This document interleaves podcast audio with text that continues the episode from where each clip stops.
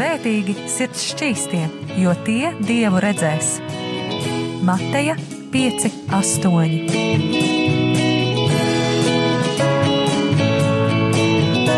Piektdienās radio raidījums Tēva meitas.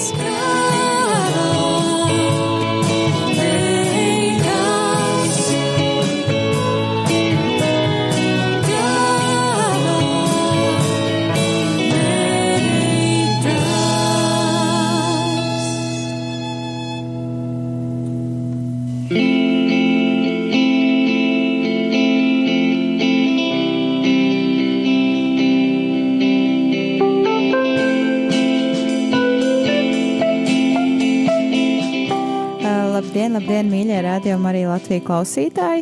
Ir piekdiena, un jau dažas minūtes pāri pulkstenis četriem. Tātad īstais laiks, kā es parasti saku, raidījumam tēva meitas.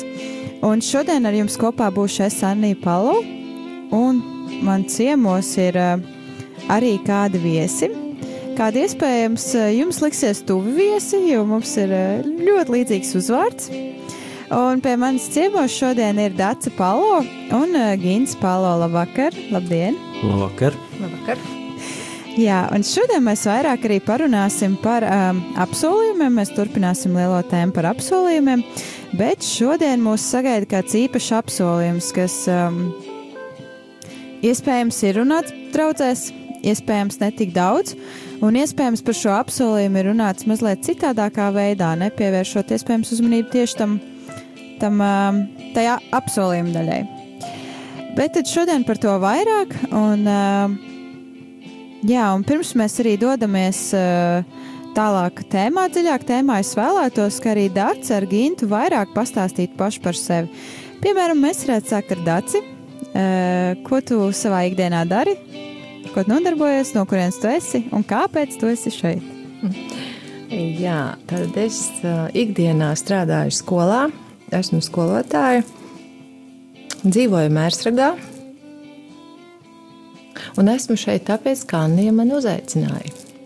Un šī tēma patiesībā, tad, kad Anija piedāvāja būt pie viņas šeit studijā, tad šī tēma ļoti uzrunāja, jo patiesībā tā ir, es domāju, diezgan smaga tēma mūsdienās ikvienam.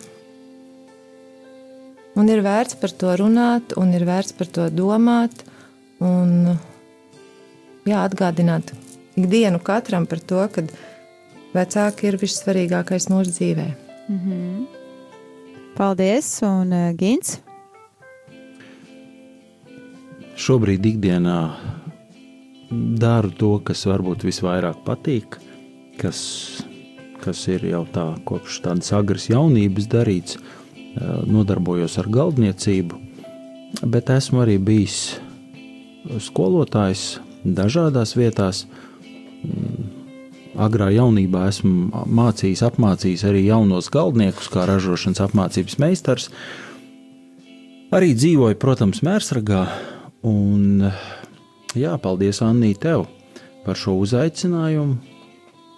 Jo man tā ļoti gribētos teikt, izteikties, kad šī ir viena no lielajām mūsu sabiedrības šodienas problēmām, kas ir saistīta ar godāšanu. Protams, es ceru, ka šī, šī vakara laikā mēs vēl par to parunāsim, pie tā pieskarsimies pie šīs tematikas. Bet tas jau neatiecās tikai uz tēva un mātes godāšanu. Paldies, Anī, ka tu arī mani uzaicinājusi. Paldies, ka jūs atsaucāties manam aicinājumam būt šovakar eh, šeit kopā ar mani. Un, eh, kā jau es arī iepriekš minēju, vairāk tieši parunāt arī par šīm tēmām. Un, eh, kā jau iepriekšējos vakaros, arī šajā reizē es lūdzu, ka jūs izvēlētos dziesmas, kādas atskaņot šajā vakarā, un jūs esat izvēlējušies divas. Uh, varbūt pirms mēs sākam iet tādā dziļākā tēmā, noklausīsimies pirmo dziesmu, un uh, tā ir Andra Lankas izpildījumā dziesma Naktsargi. Uh, varbūt, Gint, tu vari mazliet pakomentēt, kāpēc šī dziesma? Nu, pirmkārt, tīri muzikāli man patīk šis izpildījums, Man patīk tieši, kā Andris Lanka to izpilda. Un es domāju, ir vērts ļoti nopietni un uzmanīgi ieklausīties uh, izdziedātajos vārdos, tekstā. Es ceru, ka ne tikai mēs to dzirdēsim šeit studijā, bet tā arī visi radioklausītāji. Nu, tad klausīsimies!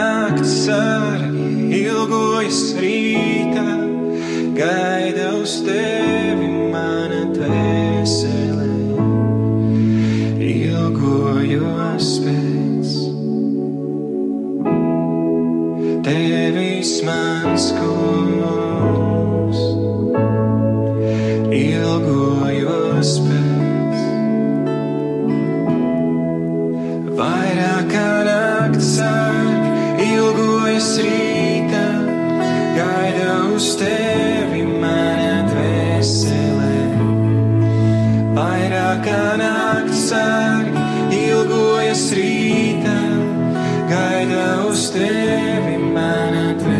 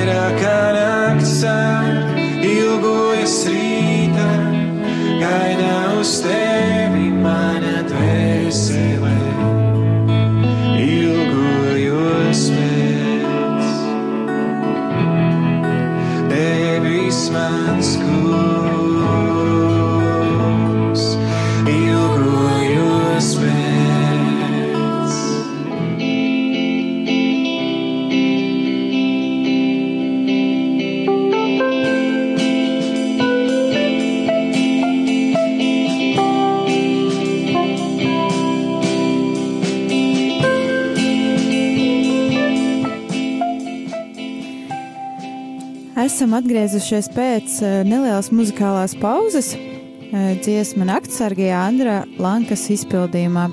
Un šodien kopā ar jums raidījumā tēva meitas esmu es Anija Palo, un man ciemos studijā ir, varētu teikt, ļoti sirsnīgs, ļoti mīļš pāris, uh, Gins un Dace Palo. Jums iespējams šķitīs, ka mēs esam radinieki, nu tas lai paliek jūsu ziņā.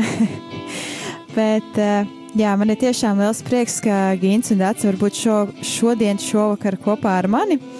Un uh, es teikšu godīgi, es jau dziesmas uh, pauzes laikā piemiršu, vai es teicu, par ko mēs šodien runāsim vai nē. Bet mēs turpināsim lielo apsolījumu tēmu un runāsim vairāk tieši par otro mūzes grāmatu, 20. nodaļu un uh, precīzāk par 20. pantu, kurā mēs varam lasīt uh, 4 bausli, Ja? Uh, un šis, kā ir zināms, ir vienīgais bauslis ar apsolījumu. Un tāpēc šis bauslis arī ļoti labi iedars mūsu uh, tēmā, mūsu raidījuma lielajā tēmā, par ko arī mēs runājam, kas ir apsolījumi.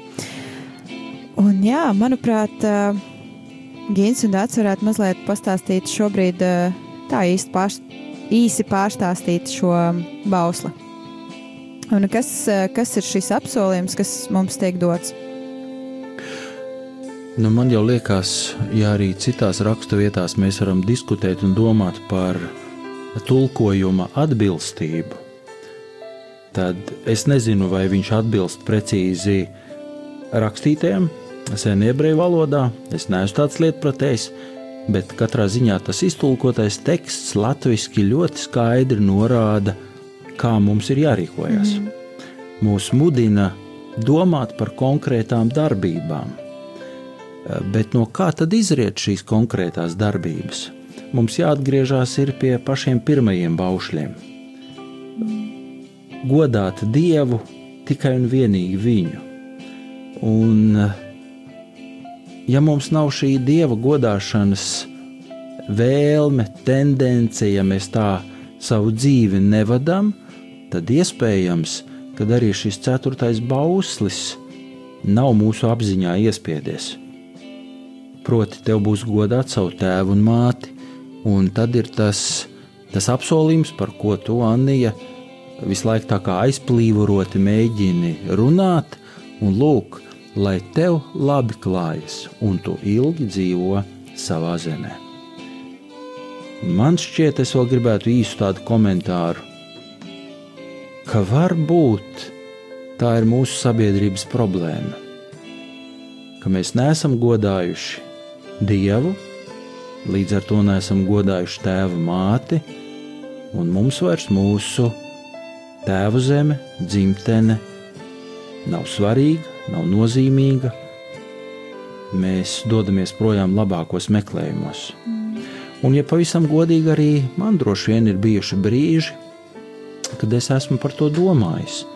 Jā, varbūt patiešām peļņas nolūkos doties kaut kur citur Bet tad es atgriežos savā pārdomu brīdī atpakaļ pie šī ceturtā baušļa. Godā tēva māti, un tu ilgi dzīvosi. Es esmu pieļāvis nemazums kļūdu attiecībā uz savu tēvu un māti. Bet tas jau varbūt ir atkal cits stāsts.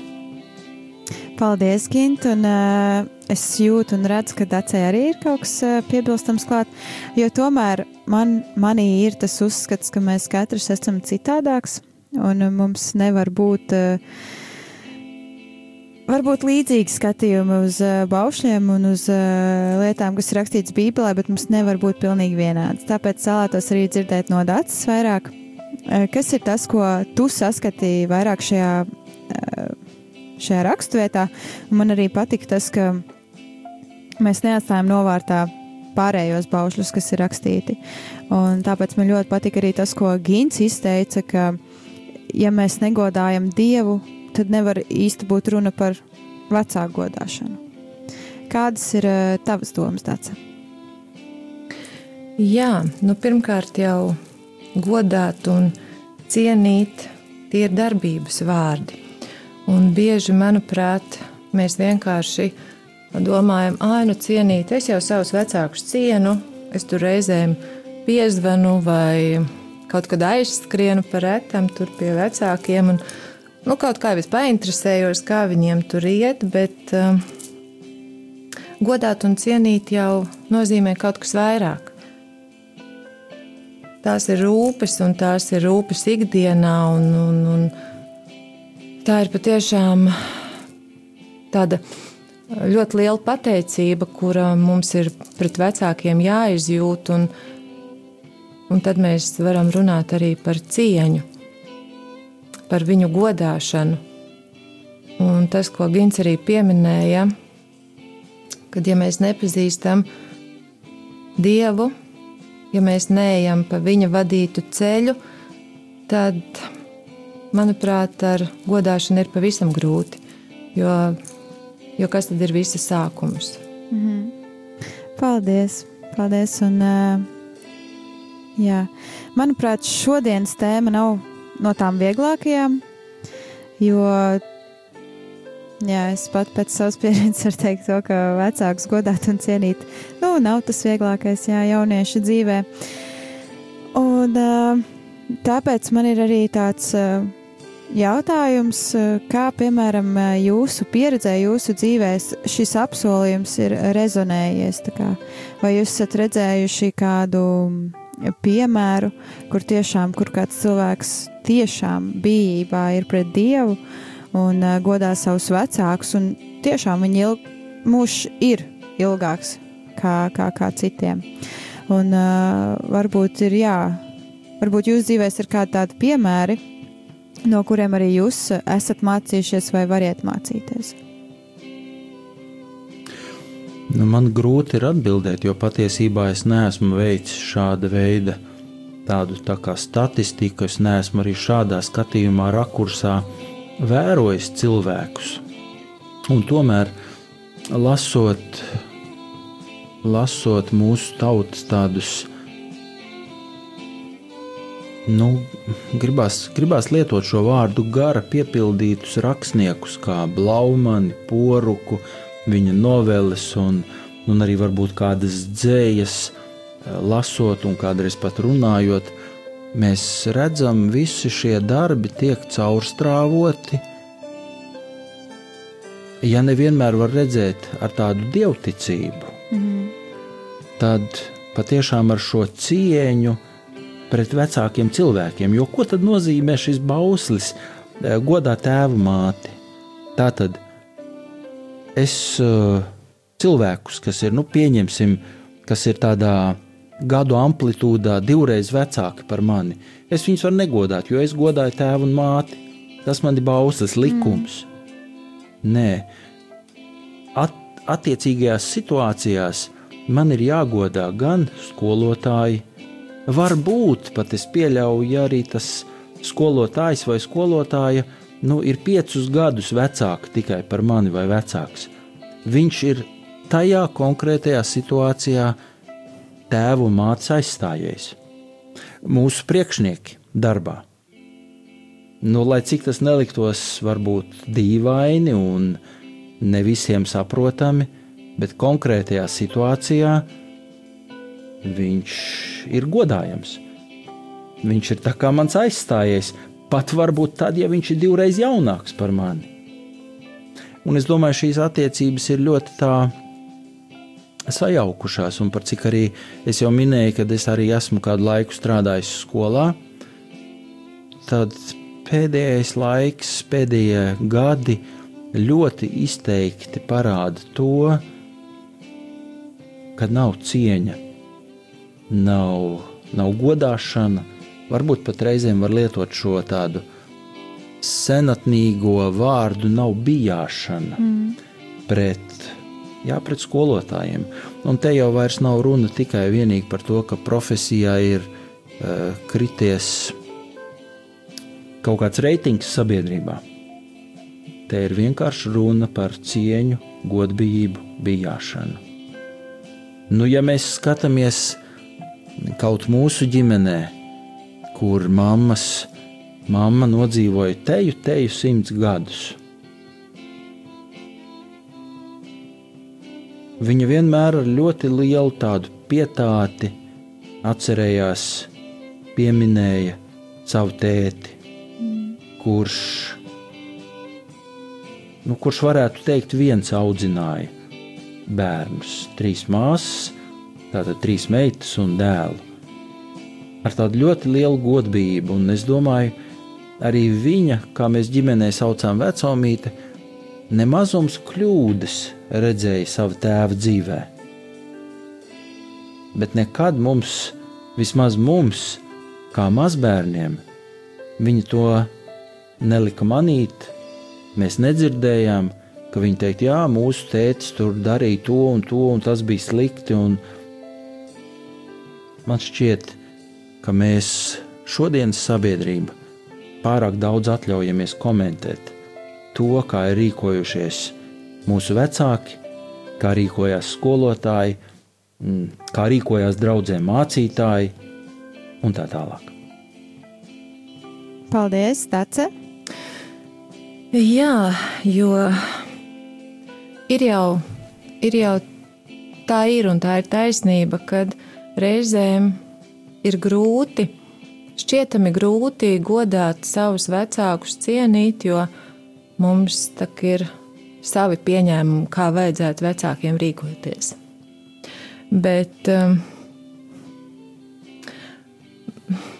bet mums viņus ir vienalga jāgodā, jāciena kaut vai dēļ tā, dēļ tās pateicības, kuras mums viņiem ir jāvelta. Tas nekas, ka viņi nav darījuši tā, kā mēs gribētu, lai viņi dara, jo viņiem ir savs viedoklis, mums pieaugot jau rodās savs viedoklis, bet kā, kā vecāki tā drīkst rīkoties, jā, man nepaprasīja atļauju bez maz, jā, bet um, mums ir jāciena, viņus jāgodā, jo viņi atteicās no daudz kā, kamēr es biju mazs. Ja tā pateicība, par kuru mēs ļoti bieži aizmirstam, un es varu godīgi arī pateikt, uh, kā arī es to reizēm pati esmu aizmirsusi. Un tiešām, lai mani vecāki man piedod, ka es arī nevienmēr esmu mācējusi viņiem pateikt paldies, vai mācējusi pateikt piedodiet, piedodiet mani mīļie. Es esmu kļūdījusies. Piedodiet par to, ka es neesmu bijusi vienmēr tik laba, cik man vajadzētu būt. Un tas nemaz jau nav tik viegli izdarīt, bet mums ir labi, ka ir Dievs, pie kura mēs varam griezties, ar kuru mēs varam runāt un lūgt pēc palīdzības, un ka Viņš mums dod šo te, uh, spēku atkal atgriezties atpakaļ un, un saņemties un vecākiem pateikt, mīļie vecāki, bez jums jau es arī nebūtu. Paldies jums par to! Mhm.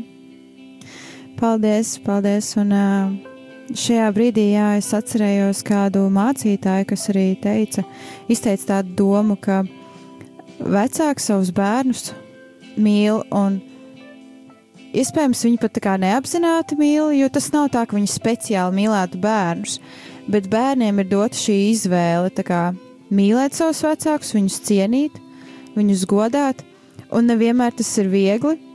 Un, uh, nevienmēr bērni to gribētu izvēlēties, bet tas ir tas, uz ko mūs aicina gan, gan, gan Dievs, gan arī,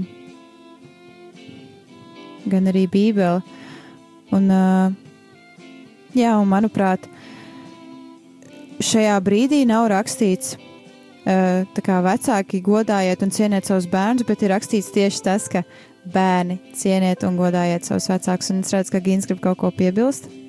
Jā, es gribu noteikti piebilst, jo tā ir mums izvēle, kā tu teici, nu pat pirms īsa acu mirkļa. Bet tajā pat laikā, kas tad ir bauslis? Mm. Ar domu svītrām varētu atdalīt bauslis, likums, kārtība. Tad, ja pie krustojuma luksusforā deg sarkanā gaisma, nu, piedodat varbūt par manu tādu nelielo puiciskumu, Bet kurš muļķis tad eh, izvēlēsies iet zem sarkanās vai braukt zem sarkanās gaismas? Jo kas tad ir bauslība, likums, kārtība? Mm. Tā ir kārtība. Un kārtība nozīmē, ka cilvēkam tiek dots noteikts, eh, dotas noteiktas robežas, drošas. Tās ir drošas robežas. Mm. Šeit, 4. bauslī, Dievs saka, godā tēvu māti, mūsu tulkojumā ir, lai tu ilgi dzīvot, bet es gribu teikt, un tu ilgi dzīvosi šajā zemē, ko Dievs tev ir devis. Mums nākas dzīvot, bet mēs paši to arī šeit, studijā, esot apzināmies, ka mēs nevienmēr to esam pildījuši. Nevienmēr šajās drošajās robežās staigājuši. Jā. Tieši tā, un uh, ir atkal pienācis kāds uh, brīdis paklausīties mūziku, Un um, šī dziesma arī man pašai ir diezgan tuva, jo, kā jau uh, Ginta pie, pieminētā vecumīte, bija arī mana vecumīte. Un uh, ap to laiku, kad viņa aizgāja prom no mums uz uh, mūžību, uh, man tieši sanāca vairāk uh, klausīties un dziedāt šo dziesmu. Un šī dziesma, manuprāt, ļoti, ļoti spēcīgi runā par šīm attiecībām. Gan ar vecākiem, gan ar dievu, gan savstarpējām cilvēciskām attiecībām. Un par to, vai mēs tiešām esam gatavi satikties ar Dievu, mēs tiešām esam gatavi runāties ar viņu. Un mans jautājums Gintam ir atkal, kāpēc tieši šī dziesma? Kas varbūt tev ir tas, kas šajā dziesmā vairāk uzrunā, un, protams, arī Dārts drīkst atbildēt, tas ir vēlams. Jāsaka, atkal godīgi. Es to pirmo dziesmu atcerējos, ka es viņu izvēlējos, bet kas bija otrā dziesma? uz mūsu debesīm valdes Indra Šaunaks. Jā, uz mūsu debesīm, protams. Nu, vai gan varētu būt citādāk? Ja mēs kā dzīvējam mūžīgiem dievam ticošie, nu, teiksim, domātu kaut kā citādāk. Mēs dzīvojam šeit, mēs savus mūža gadus pavadām šeit, un mēs tie, kas saprotam, godājot tēvu māti, ceram, ka šī zeme mums ilgi kalpos kā mājvieta, bet mēs jau zinām arī rakstus, ka šī nav mums paliekama vieta. Un man tik ļoti daudz ir bijis jādomā savā, nu, nu jau pietiekami garajā mūžā, kas būs tas, ko es varēšu paņemt līdzi uz debesīm. Jo latviešiem ir tāds pavisam nejauks teiciens, kad cilvēki kādā situācijā bez nekā ierodās, tad viņi bieži vien saka, nu tā kā uz baznīcu tu esi atnācis. Un, ja es kādās situācijās dzirdu šādu tekstu, es vienmēr cilvēkiem aizrādu, kad uz baznīcu patiesībā ir jāņem līdzi Bībele, un, ja nu nav Bībele, tad vismaz dziesmu grāmata. Un te nu jāsaka, ir jaunajos laikos mums pat laikam dziesmu grāmatas vairs nav jāņem līdzi, jo visi vārdi pārsvarā tiek rādīti uz ekrāniem vai uz sienām. Un tad gan varbūt var piemērot šo teicienu, nu, tu tā kā uz baznīcu esi atnācis bez nekā. Mm. Es negribētu bez nekā uz debesīm aiziet. Paldies!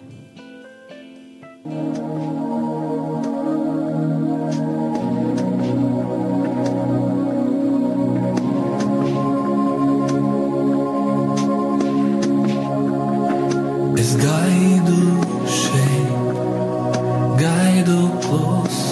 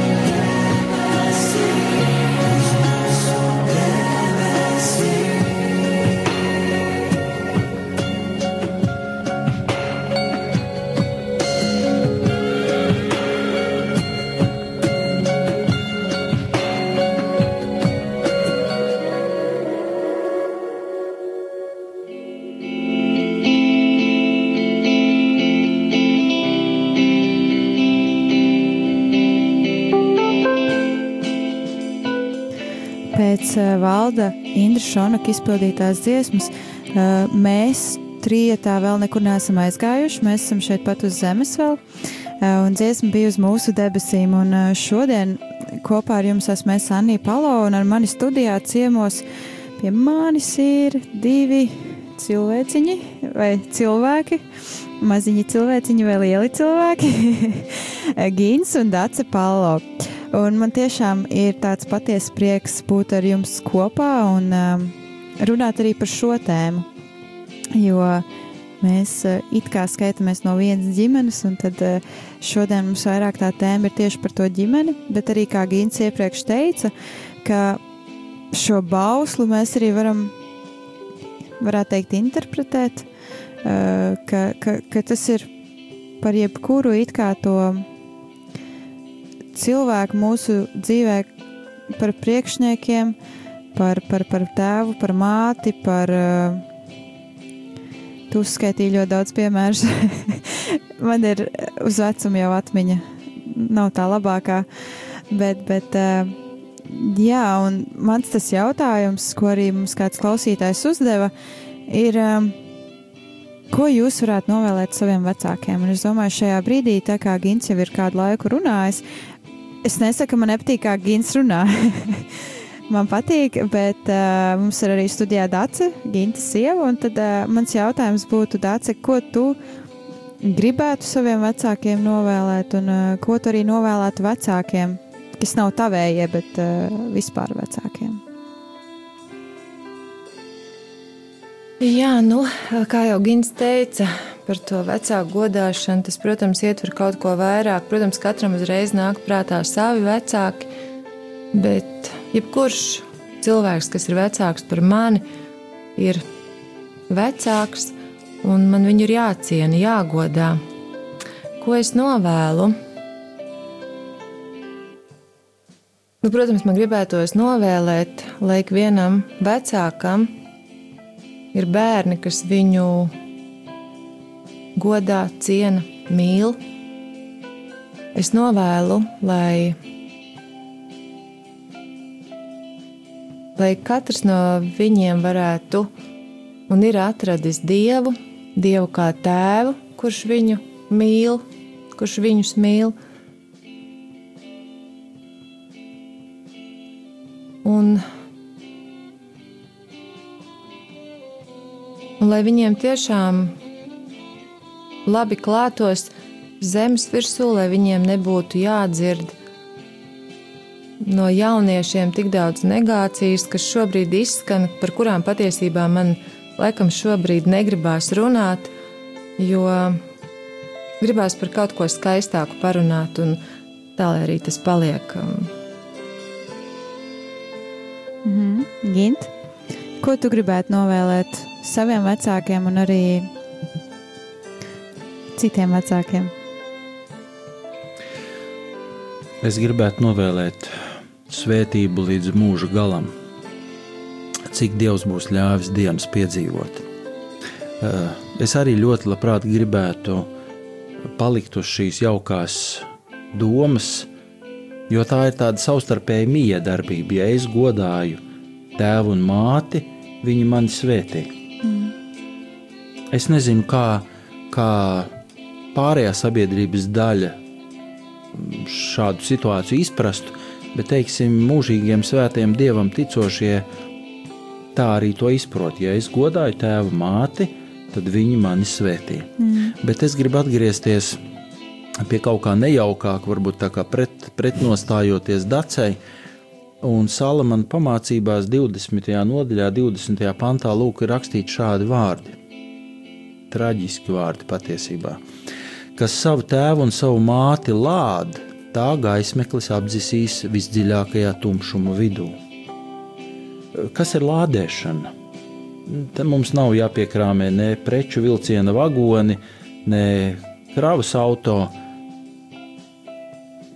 Nu, zinat, man jāatgriežas atpakaļ bērnībā. Tie bija padomju laiki, kad tie, kas ir piedzīvojuši to, zina, kad ļoti daudzas lietas, preces, veikalā ieejot, nemaz nevarēja iegādāties. Un tad bija tāda situācija, latviešu runājot, bija vajadzīgs blats, un vienu un otru preci varēja zem letes dabūt. Un, caur, un ar pazīšanos, caur paziņām. Un, ja nemaldos, man bija kādi 6, 7 gadi. Iespējams, jau kad es gāju skolas pirmajā klasē, un tajā laikā arī zēniem vilka kokvilnas zeķubikses kājās, jo cita nekā nebija. Un šīs kokvilnas zeķubikses nevarēja nopirkt nemaz tā veikalā. Un mamma no savas paziņas, draudzenes, kur strādāja tā laika bērnu pasaulē, bija iegādājusies, un vakarā pārnākus mājās viņa man palīdzēja viņas uzvilkt, mērīt. Bet es īsti gan vairs neatceros, kaut kāda problēma tur radās. Vai nu viņas bija pa mazu, vai iekšpusē bija kāds diegs attīris, un man pirksti aizķērās, un tālāk nevarēja uzvilkt tās zeķu bikses. Un es tā klusiņām, nu, varētu teikt, mazs puika, esot teicu, muļķi. Es pēc tam dabūju, protams, diezgan lielu brāzienu par šo izteikto vārdu, bet tikai tad, kad es eh, jau pieaugu un patstāvīgi lasīju Dieva vārdu, kad es jaunajā derībā varēju izlasīt šo Jēzus teikto tekstu, kas uz savu brāli saka muļķis, vai kā tur ir rakstīts, korban, tas lai ir nolādēts.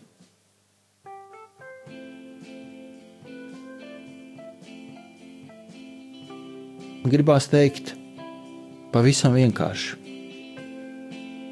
Un es to jau esmu teicis. Māmu piedod.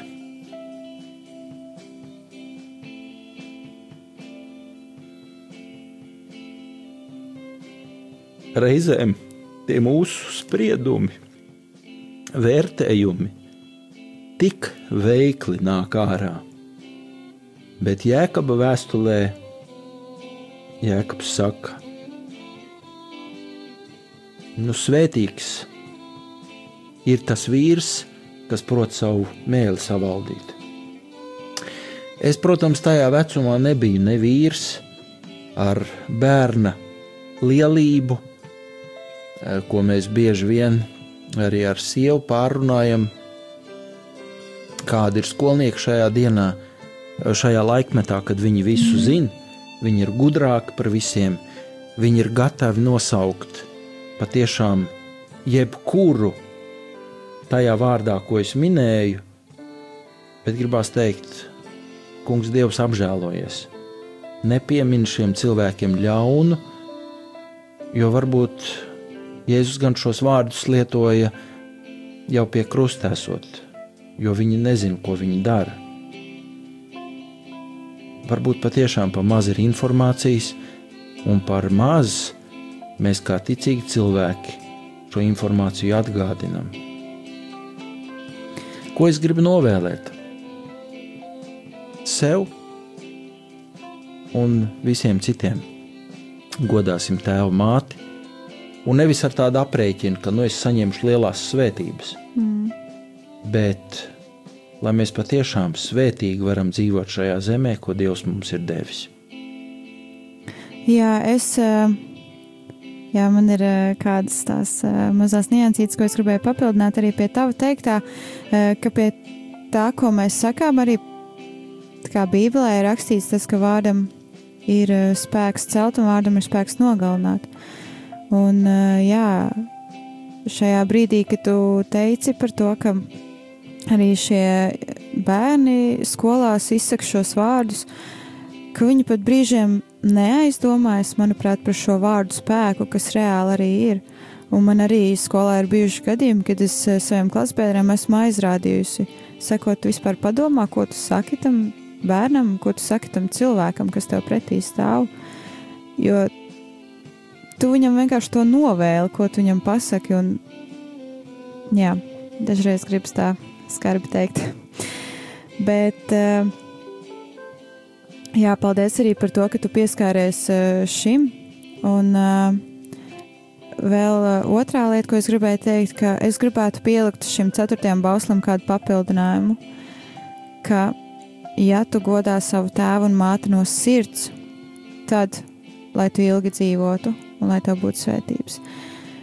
Jo tas ir tas, ko tu eh, kā tikko pirms mirkļa pieminēji, ka mums tiešām ir kā, ar to apziņu, ar to sirds apziņu jāgodā un jāciena tēvs un māte. Jo, jā, labi. Es nezinu, vai var saprast manu domu, bet. Uh, ja mēs godājam tēvu un māti, mēs godājam Dievu. Jo patiesībā caur mūsu vecākiem jau Dievs strādā. No Dieva caur saviem vecākiem. Un, un, un pie Dieva mums ir jāaiziet. Tas tāds, nu, varbūt nevietā teikt, apburtais lokus, mm. bet tas ir tāds lokus, tāds noslēgts lokus. No Dieva caur vecākiem mēs, un, protams, arī mums, ja Dievs dāvina ir bērni, mazbērni, bet tas ir tāds noslēgtais lokus. Mm. Mēs no Dieva esam izgājuši caur vecākiem, un pie Dieva jau kā mūsu vecāku bērniem mums ir jāatgriežas. Mm. Jā, un uh, tad mans nākamais jautājums būtu, uh, ko jūs uh, novēlētu saviem bērniem? mazliet jau sanāca pieskarties par šo tieši bērnu jautājumu, kāda ir mūsdienu jaunatne, tā, bet par to šobrīd vairāk ne, bet tieši ko jūs novēlētu saviem bērniem. Jo ir arī bijuši šie gadījumi, un arī nesen varētu teikt, ka mūsu ģimenē, bet tas īsti nebija mūsu ģimenē, kad kāds mūziķis zaudēja savu dēlu. Un kā mēs, nu, es nevaru teikt, kā es zinu, bet kā ir dzirdēts un kā ir redzēts, ka vecākiem bērnus nav viegli tomēr palaist pirmos. Jo tomēr mēs visi gribam to ideālo stāstu, ka vecāks aiziet pirmais un tad aiziet bērns mūžībā. Un ko jūs novēlētu saviem bērniem?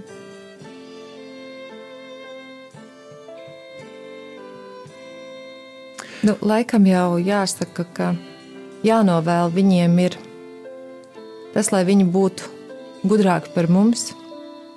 Ja mēs esam pieļāvuši kļūdas, neesam klausījuši savus vecākus, tad gribās viņiem vēlēt, lai viņi, kaut arī jau bērni ir pieauguši, tomēr uh, attopās un ik reizīti ieklausās vairāk savos vecākos un pieņem tiešām savus vecākus kā kā īstos padomdevējus, nevis kaut kur meklēt uh, atbildes no malas, bet un, lai viņos ir šī cieņa pret saviem vecākiem, jo arī Mārtiņš Luters tā visai skarbi ir teicis. Bērni, bērnam, kas nevēlas klausīt žēlstības pilnu vecāku un skolotāju balsis, būs jāpaklausa bendas balsī, bet benda runā tik asi, ka galva tiek atdalīta no ķermeņa, skan briesmīgi skarbi, un tāpēc gribas novēlēt, lai tiešām ik viens bērns, un arī mani bērni, lai viņi sadzird to, ko vecāki viņiem grib teikt, un lai viņi caur vecāku teikto arī sadzird dieva balsi. Paldies! Arī es gribētu teikt eh, ar Lutera vārdiem šo novēlējumu. Eh, jā, bet kā jau sākumā Dārts teica, tā godāšana ir darbība. Nu, proti, Luters saka šādi: ir jāpajekodina jauniem cilvēkiem, ka tiem ir jāgodā savi vecāki, kā dieva vietnieki, lai arī tie būtu vienkārši, mazturīgi, nevarīgi, un skarbi, tie tomēr ir dieva doti. Neliedziet tiem pienākošos godu viņu dzīves paradumu vai kļūdu dēļ. Arī sarunājoties ar viņiem, jāuzvedas nevainojami, jāizvairās no asām atbildēm, stūrgalvības un iecirtības, jāsamierinās un jāpaklusē, lai arī tie savā rīcībā reizēm ietu pārāk tālu. Paldies! Jā, kā jau šodienas raidījumā jūs dzirdējāt, mēs vairāk runājām par otro mūzes grāmatu 20. nodaļu, 12. pantu, un arī Gins eh, mazliet pieminēja Salmana pamācības, ja es nemaldos 20. nodaļu, un um, šīs divas raksturvietas, manuprāt, vienu otru papildina, un um, jā, kā jau arī mēs runājām, ka šī vecāku cienīšana un godāšana nevar arī kaut kādā ziņā iztikt bez mīlestības. Un, jā, ja tomēr mēs nemīlam, par ko arī rakstīts korintiešiem, ka ir ticība, cerība, mīlestība, bet tomēr visstiprākā ir šī mīlestība. Un, ja nav mīlestības, nu tad, jā, tad nav nekā. Un ar šo pozitīvo noti es vēlētos arī eh, šodien noslēgt raidījumu. Un es saku lielu paldies Dacei un Gintam. Paldies, ka jūs bijāt kopā ar mani. Un uh, paldies arī to, par to, ka palīdzējāt man vairāk izprast šo bausli ar apsolījumu.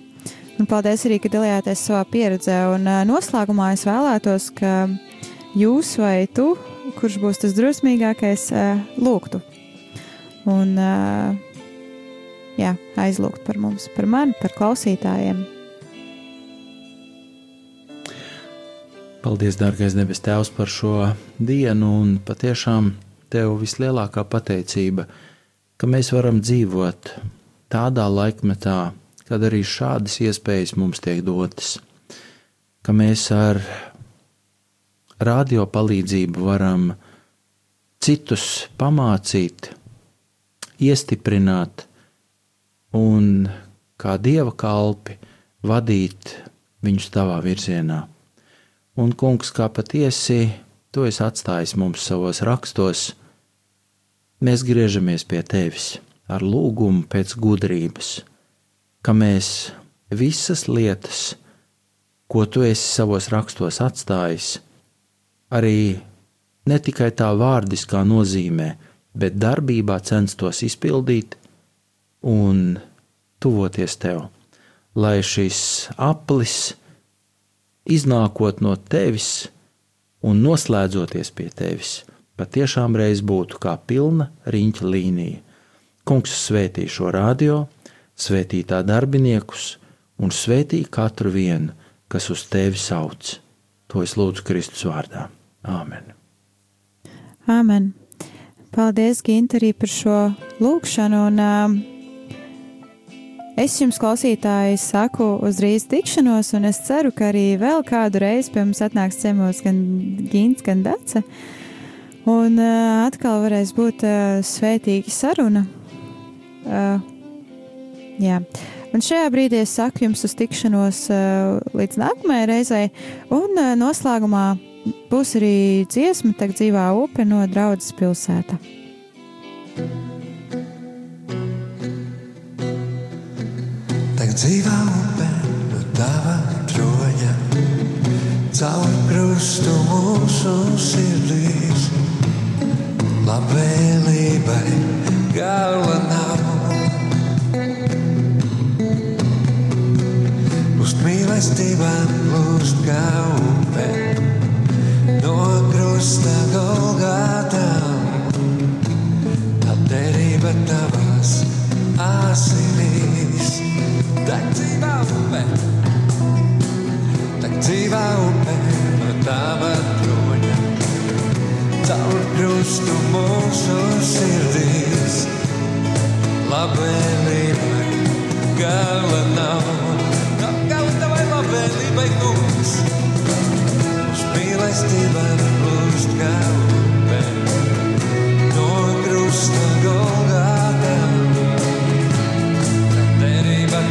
tavās asinīs. Vadi mani, kungs, svētais gars, vadi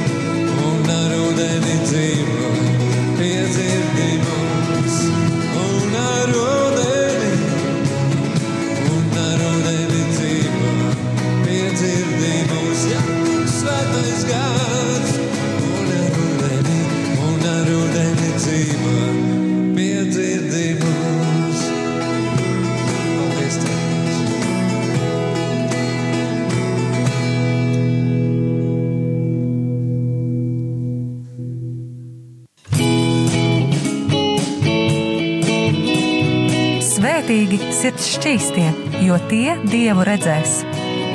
Mateja 5, 8.